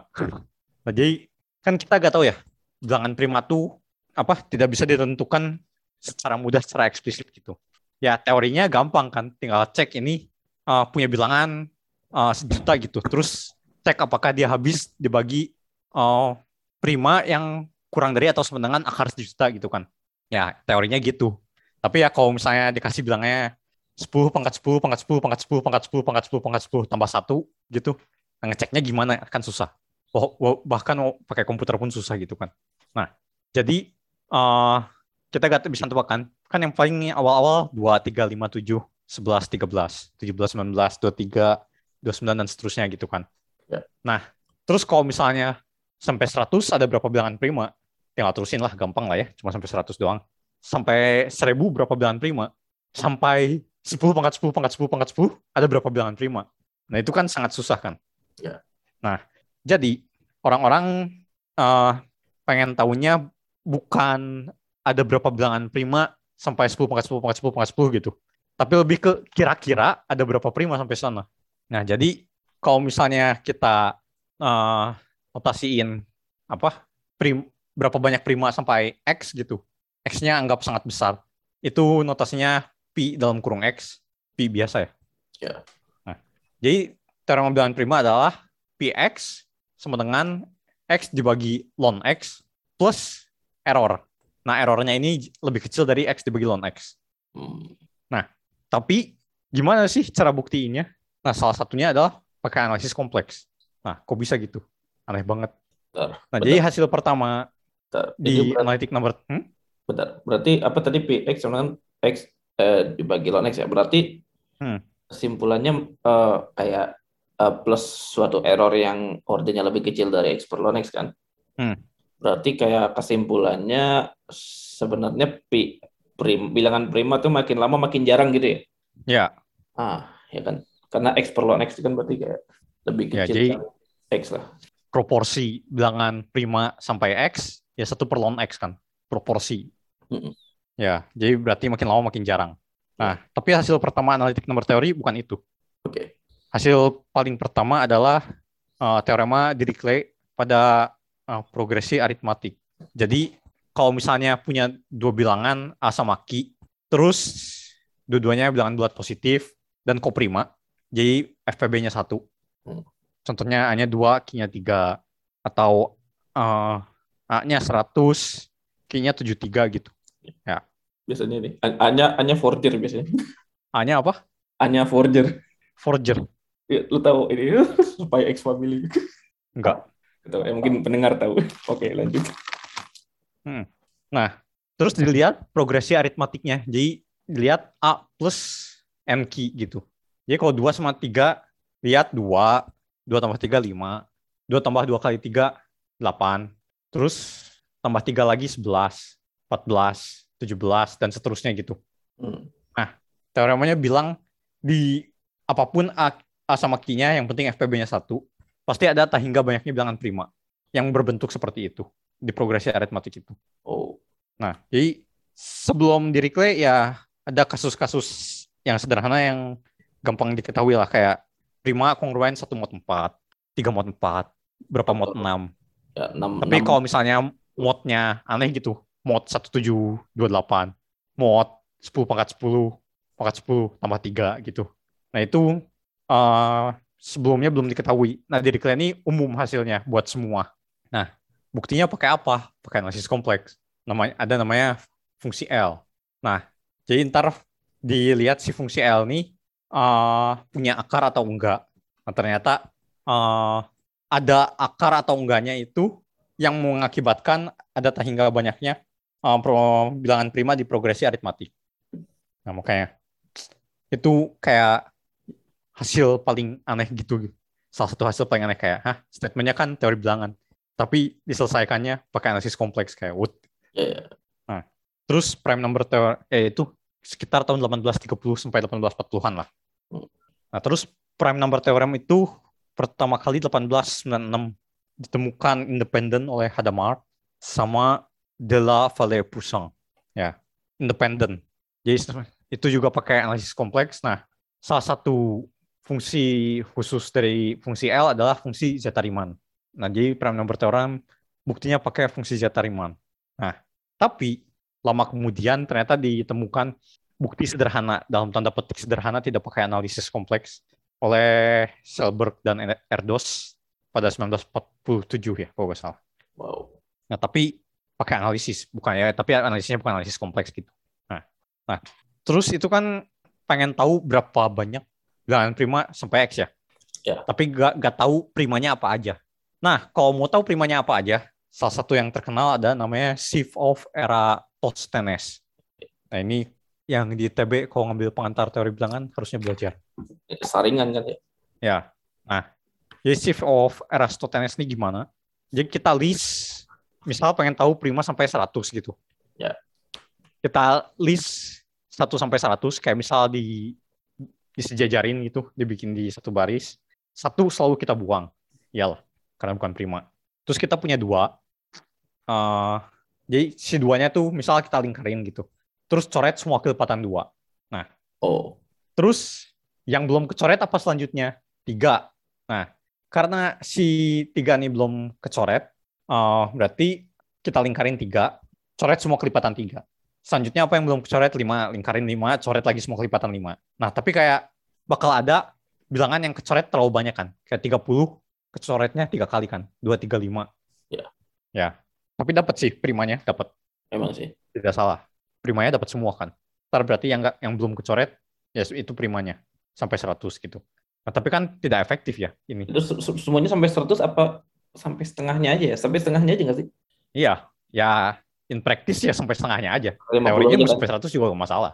Sampai 50 aja kan. Enggak sampai setengahnya juga bisa kan sampai kurang apa akar 100. Oh iya iya benar sampai akar 100 jadi kayak kelipatan 7 nanti oh iya, benar benar benar sampai akar 100 betul. Sampai 10 ya. ya. Nanti kelipatan 7 cerai semua. Udah. Ya. Nah, tapi kalau misalnya 100-nya diganti sama angka gede lagi, lagi-lagi. Ya, susah. Ya, mati aja. lingkarin mau nulis nulisnya aja udah capek gitu angkanya. Terus mau dilingkarin, mau dicoret ya sudah terlalu banyak. Nah, jadi uh, tahun 1808-an ya kira-kira. Hmm. Ada namanya Lesandre. Le legendre.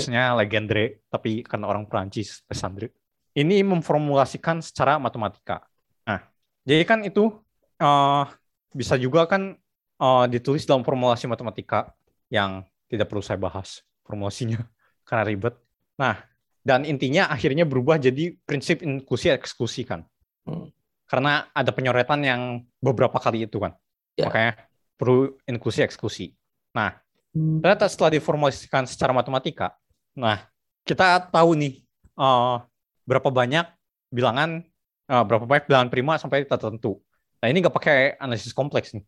Dan itu juga bilangan primanya tuh nggak bilangan yang benar-benar prima, bilangan yang koprima dengan perkalian prima sampai batas tertentu.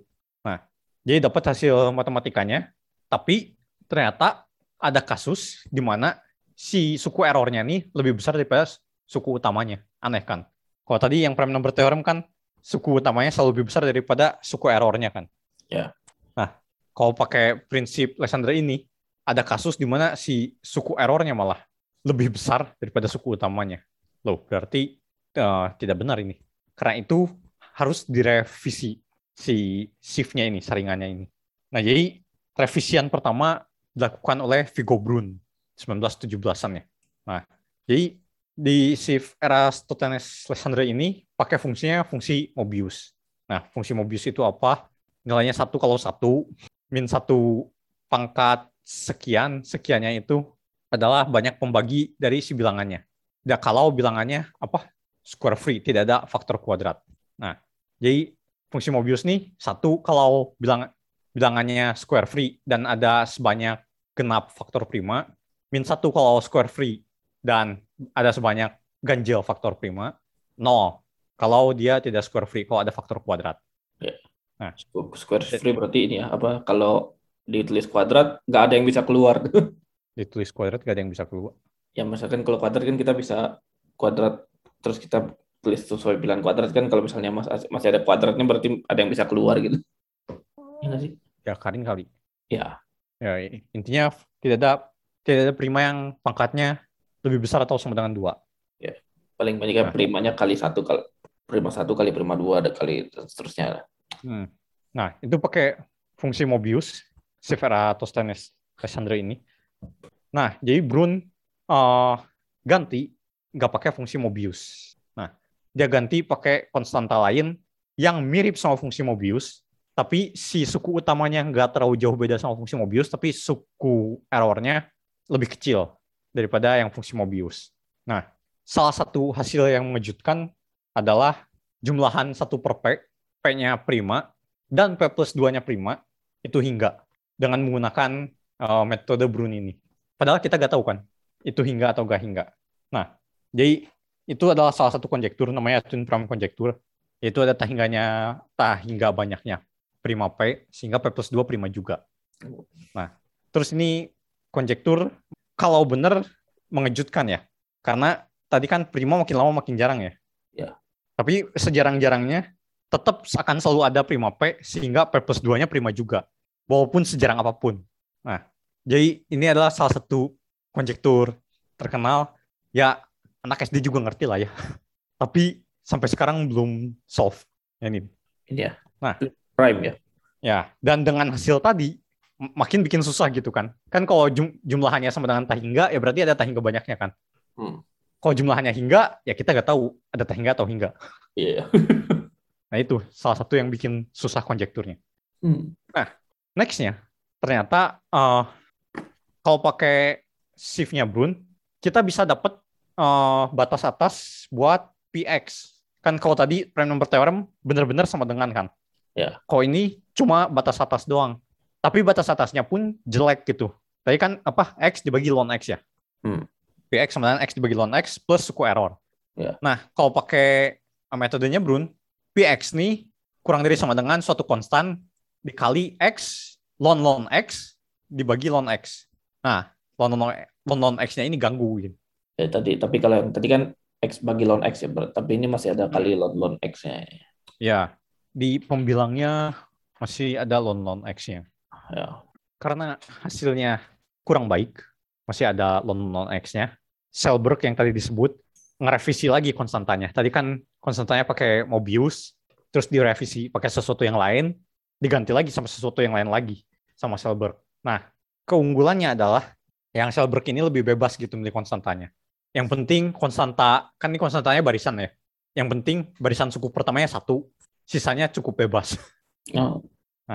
Tapi ternyata buat optimal pun ada cara milihnya gitu. Jadi sebebas-bebasnya ya kan kita tetap mau yang optimal gitu ya. Nah, yang optimalnya pun ada cara milihnya. Dan pilihannya kayak cukup natural gitu. Buat habis beres, oh ya buat minimum ya ambil aja ini gampang. Oh. Nah, dengan caranya Selberg dapat nih batas atasnya bagus.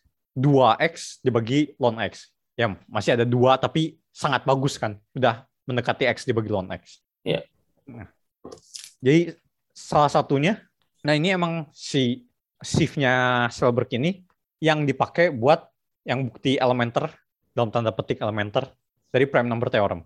Karena tadi udah dapat batas atasnya ada duanya tinggal buang duanya dapat batas bawahnya kan. Nah itu salah satunya. Nah jadi sebenarnya pada zaman Brun pun sudah dapat dibuktikan kalau ada hingga banyaknya prima P, sehingga P plus 2 adalah hasil kali maksimal 7 prima. Oh. Jadi nggak benar-benar prima.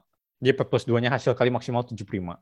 Nah, terus teorema Chen, yang Chen Yuran, itu adalah hasil revisi pakai uh, sel apa Selberg shift ini sampai akhirnya dapat ada hingga banyaknya P sehingga P plus 2-nya antara prima atau semi prima. Jadi P plus 2-nya antara prima atau hasil kali dua prima. Oh. Nah, itu Taro Watson. Nah, jadi ya kira-kira begitu basic teorinya apa tesis saya. Terus tesis saya apa? Membongkar paper yang bahas hasil tentang twin prime conjecture. Nah, ternyata twin prime conjecture ini dipengaruhi juga oleh konjektur lain. Namanya Hardy Littlewood K prime tuple conjecture. Jadi apa? Konjektur apa tentang K tuple apa ya? Tuple K kan ini K, K apa pasangan berurut ya? Iya, bahasa Indonesia ya udahlah K Ya. tuple lah. Tuple Bisa ya. di Google. Ya ini apa kayak koordinat x1, x2 sampai xk gitu kan. Ya. Nah, jadi statementnya gini. Misal kita punya K buah bilangan eh, asli. Ya. H1 sampai HK. WHK, bukan Haki. Kalau Haki One Piece dong. Kirain haki ini hak asasi kekayaan intelektual. Hati. Nah, jadi H1 sampai HK nih disebut admissible, dapat diterima. Kalau untuk setiap bilangan prima, dia nih bukan eh, residu lengkap si bilangan prima tersebut. Ngerti nggak? Residu lengkap, bener. Oh, residu. Contoh, contoh. Contoh-contoh. Misal K-nya 4 gitu. Ya, 1, 2, 3, 4 nih, residu lengkap buat modulo 2 kan. Karena ada ganjil, ada genap. satu, dua, tiga, empat karena ada ada genap. Ya. Buat Berarti dia dua. residu lengkap mo- modulo 2 kan. Iya, Ya. Tapi 1, 3, 5, 7 enggak residu lengkap modulo 2 kan. karena Karena ada, ada yang genap. ya gak ada yang mod dua, gak ada yang duanya. Oh, Ya, nggak ada kongruen 0 mod 2. oh, oh tupelnya empat buah, Nah. empat biji itu ya. Ya, Tupelnya misal empat 4 gitu. K-nya 4 misal. Tupelnya empat biji terus kita tinjau untuk mod dua gitu. Satu, Ya, tiga. mod 2 dia lengkap enggak? Dia lengkap enggak mod Ya. 2? Buat mod 3 dia lengkap enggak? Baratnya di, diisi nggak gitu, ke, keisi nggak kotaknya semua tuh. Ya, benar. Semua nggak kotaknya, apa ada kotak yang keisi kotaknya itu ya mod 2-nya atau mod 3-nya. Oke. Ya. Nah, dia admissible kalau buat setiap bilangan prima si kotaknya ini nggak keisi gitu buat setiap bilangan prima. Admissible kalau buat oh kalau buat setiap prima, mod prima ya ya mod prima, kotaknya nih pasti ada yang nggak keisi. pasti ada yang nggak keisi. Nah, 1357 eh tidak admissible. Eh, Eh. ya, benar. Karena di mod 3-nya keisi semua kan. 3 kongruen 0 mod 3, 1 kongruen 1 mod 3, 5 kongruen 2 mod 3. Keisi itu kotaknya. Keisi semua. Oke. Nah, 1357 tidak admissible. Tapi kalau misal 1379 admissible. Kenapa? Mod 2 gak keisi, mod 3 gak keisi, terus 5 pasti gak keisi karena cuma 4 bilangan. Empat biji, tujuh apalagi. Ya, jadi Ya, kayak kita cukup ngecek buat si primanya ini kurang dari sama dengan si K-nya ini. Ya, ya. Kalau di atas Keisi atau enggak. udah pasti Hmm, ada yang nggak keisi. ya. Oh, Nah, kalau buat primanya lebih besar dari K ya pasti ada yang gak keisi. hmm, ya. Konjekturnya adalah kalau misalnya punya katapel yang admissible, YH1 sampai HK admissible, ada tak hingga banyaknya N bilangan asli, sehingga N plus H1 sampai N plus HK semuanya prima. Oh, oke oke. Jadi itu konjekturnya. Dan buat K sama dengan dua aja masih open. Wow. Oke, yaitu Hardy Littlewood K tuple konjektur. Nah, ternyata si twin prime ini berhubungan sama K tuple konjektur karena si twin prime konjektur ini kita bisa formulasikan sebagai limit infimum n juta hingga pn plus 2 kurang pn eh pn plus 2 pn plus 1 kurang pn pn plus 1 artinya prima ke n plus 1 pn artinya prima ke n limit infimum ini sama dengan 2 ya kan Iya. kalau limit infimumnya sama dengan dua ya berarti ada tak hingga banyaknya yang dua kan. Iya. Jadi itu formu- formulasinya. Nah ternyata limit infimum PN plus 1 kurang PN kurang dari sama dengan infimum dari si katapel konje, katapel admissible ini. Oh, Dan ternyata eh, si katapel konjektur ini di papernya James Maynard. Jadi bisa dicari kalau yang penasaran di Annals of Mathematics volume 1 ya, tahun 2015. Enggak volume 1 sih, volume berapa lah. Ya volume 1 sih kalau tahunnya. Jadi cari aja Annals of Mathematics, lihat yang tahun 2015, klik yang satu. Yang paling pertama muncul tahun 2015. Nah itu buktiin kalau K prime tuple ini benar untuk sekian proporsi si n-nya. Nah, terus sudah ada apa komputasionalnya juga si K prime tuple konjektur ini. Jadi ketahuan si K K-nya berapa, yang admissible nih apa aja. oh. Nah. Jadi cara buktinya adalah pakai shift, pakai saringan. ya yang tadi. Dan tidak bisa pakai Selbrecht shift langsung. Nah, jadi kan tadi udah dibilang ya, Selbrecht shift konstantannya adalah sekian gitu ya. Hmm. Tidak perlu disebut lah eksplisitnya. Ternyata tidak cukup. Kita mesti ganti si konstantanya ini. Nah, jadi yang pertama kali ganti konstantanya adalah Goldstone Pins Yildirim 2006 ya. Iya. Buat dapat lim, limit infimum kalau PN plus 1 kurang PN dibagi log PN sama dengan 0. Nah, itu hasilnya. Nah, jadi tahun 2013 Yitang Chang ganti si konstantanya si shift-nya ini sama sesuatu yang lebih baik dapat kalau ada tangga banyaknya prima P sehingga jarak ke prima selanjutnya paling besar adalah 7 juta. Eh, 7 juta atau 70 juta lah, pokoknya jelek aja. Ya, masih jutaan. lah. Ya. Nah, itu Yitang Chang apa bilang, ya ini saya tahu bukan konstanta terbaik. Cuma di papernya biar ketahuan aja gitu eh, si metodenya kayak gimana. Dia biarin aja konstantanya jelek. Yang penting terbatas aja. ya, siapa tahu ada yang bisa improve gitu kan. Banyak banyak. Dan setelah itu Terimprove cepatnya, terus sama Polymath sampai 4680. Ya. Nah, dan James Maynard ganti sisi konstantannya sampai hasilnya nyampe ada hingga banyaknya bilangan prima P sehingga jaraknya ke prima selanjutnya maksimum 600. Nah, itu modifikasi Selbrecht shift sama ada satu lagi pakai namanya large shift. Nah, kalau misalkan suatu konjektur benar, 600-nya ini bisa diganti 12. Jauh banget ya, udah sangat dekat itu Ya. 12. Nah, ternyata itu pun tidak optimal gitu. Lagi-lagi Polymath benerin lagi sampai hasil terbaik adalah 600-nya jadi 246 dan kalau si konjekturnya suatu konjekturnya benar, paling besar adalah 6. Sudah sangat dekat, dekat itu. Iya. Jadi tesis saya adalah menjelaskan si papernya. Kan paper ya tahu lah ya, kadang strukturnya ribet, terus kan nggak ada background teorinya, nggak terlalu detail juga. Nah, tesis saya adalah menyediakan background teorinya, bikin strukturnya lebih mudah dibaca dan detailnya disediakan. Jadi bahas Betul. paper ini. Ya, jadi semacam kompilasi gitu ya buat perkembangan. Eh, eksposisi lah. Ya, itulah. Eksposisi itu. Kalau Eks- kompilasi kan tidak detail. Ini Ya. detail. Tapi cuma satu paper ini. Terus hasil improvementnya paling di site doang lah. Ya. Di citasi doang. Eksposisi itu ini. Ex- Expo 2020 tuh asal katanya eksposisi bener. Iya. Iya. Ya, Ya, jadi ya analitik number theory itu terlalu luas lah. Dan ini salah satunya adalah shift method. Ya, jadi ada juga kan yang pakai analisis kompleks itu bisa juga. Hmm. Jadi harus berbarengan gitu ya si shift method sama analisis ini. Karena ada beberapa estimasi yang kalau pakai shift method sekian, kalau pakai analisis bisa lebih baik gitu hasilnya jadi sekian. Nah, kalau udah diimprove estimasinya, kita bisa pakai shift lagi buat dapat hasil yang lain. Ya. Jadi harus bisa dua-duanya. cuman Begitu. bagusnya ini ya lo berarti mempermudah orang-orang yang emang pengen nyari ini gitu. Soalnya kan Ya, ya, ya. kadang kalau misalnya gue baca dua paper atau lebih tentang topik yang sama tuh notasinya kan kadang suka beda ya. Ya, terus kan uh, background teorinya yang dibutuhkan apa aja nih? Ya kayak gitu-gitu. Ya, Betul. makanya semoga tesisnya self content gitu. Jadi background teorinya tidak perlu baca buku cukup. Tapi ya ada hasil-hasil yang tidak gua buktikan gitu. Ya, harus baca buku. Ya, soalnya kepanjangan mager ngetiknya. Dosen aku juga bikin bikin yang kayak gini juga sih. Soal fraksional kalkulus juga. Ah, ya, ya. Terus aku bikin Jadi jadi, background ya Hmm. backgroundnya backgroundnya kayak gimana betul-betul. Background Hmm. terus apa? Nggak cuma background jadi kayak definisi ekivalen gitu. Jadi ada beberapa definisi tadi fraksional Laplacian yang ekivalen ah, di beberapa paper tuh dikumpulin. hmm, ya, ya. Kalau gua sih lebih ke background teori, ntar si papernya didetailin. Gitulah. Ya, Oke, ada lagi? sudah sudah sih. Kalau dari aku apa ya? Ya.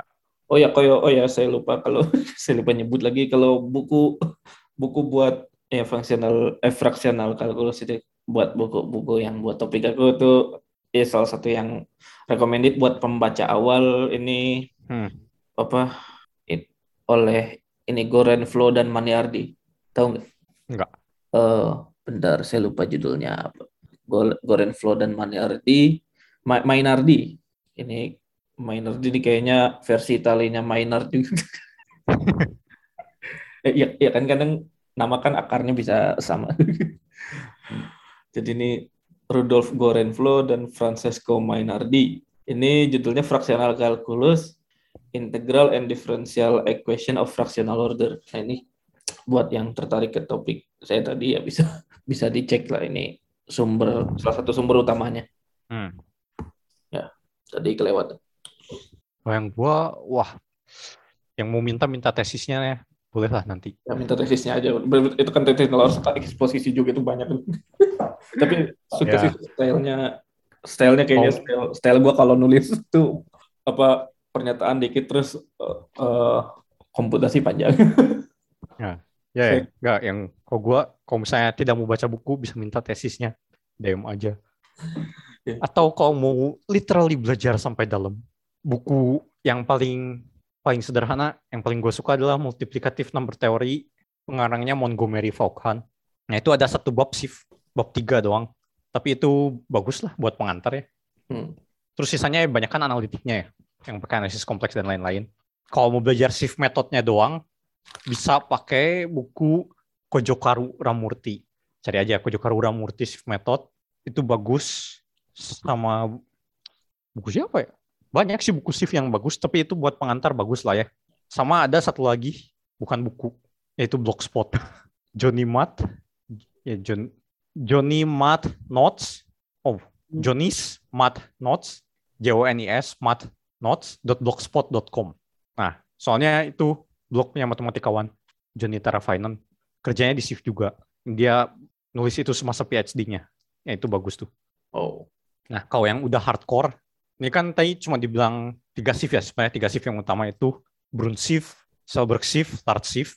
Satu lagi yang paling baru, baru tahun 90-an ya, Ya. ada namanya Harman shift. Nah, ini jauh lebih powerful lagi. Nah, ini bukunya adalah Prime Detecting Shift. Pengarangnya Glyn Harman, G-L-Y-N Harman. Tapi kalau buat materinya cuma 5-6 bab pertama, sisanya udah kayak paper gitu loh per babnya. Hasil-hasil dari paper dia masukin. Terus stylenya style paper. Jadi berat buat bacanya. Nah, terus papernya Maynard ya tadi di Annals of Mathematics. Cari aja. Kalau nggak di archive juga ada. Oke. Ada lagi? Udah. Oh, udah. Oke, kayaknya ya dicukupkan saja topik tentang kita apa yang kita kerjain ya sekarang ini ya. Hmm. Mudah-mudahan lancar ya Lawrence juga. Hmm. Dan ya mungkin bisa kalau misalnya kalian mau cerita apa nih yang kalian kerjakan atau yang pernah kalian kerjain di Matem gitu. Atau apa yang pengen kalian kerjain bisa di komen ya di postingan kita di IG atau di Twitter. Ya. Eh, ngomong-ngomong soal Twitter kemarin ini apa Pak Taufan Juliano nge Apa? apa Bapak bilang apa yang ini yang yang waktu itu ikut summer school gara-gara dengerin podcast kita Oh iya. waktu itu pas pas pas tengah tahun ikut summer school gara-gara dengerin podcast kita terus kita, dia apa ya dia ngirim kita post buku gitu buku-buku matem terus captionnya lihat apa yang kalian lakukan Kita ngelakuin apa? Kita tidak melakukan pelecehan. Enggak dong. Ini apa? Bukan, bukan. Ya ini tentang matem sih. Lihat apa yang telah kalian jadi buku buku ini. Lihat apa yang telah kalian lakukan. Semoga bisa selesai beberapa halaman ini. Jadi bu, buku matem sih. Ini apa? The Enjoyment of Mathematics dari Hans Rademacher dan Otto Toplitz. Tahu bukunya? Oh, terkenal. Eh, pengarangnya terkenal. Oke. Ya jadi mungkin beliau tertarik mendalami matematika. Ayo, jangan. Enggak lah. ya mudah-mudahan lancar lah ini. Hmm. Oke, sudah sepertinya sudah ya untuk episode ini update kita Eh, apa tentang kerjaan apa yang kita lakukan kerjaan ini ya. Kalau misalnya kalian suka konten-konten kami bisa di follow di Twitter @bebaslinear, di Instagram @podcastbebaslinear dan di share ke teman-teman kalian. Eh, sampai jumpa di episode berikutnya.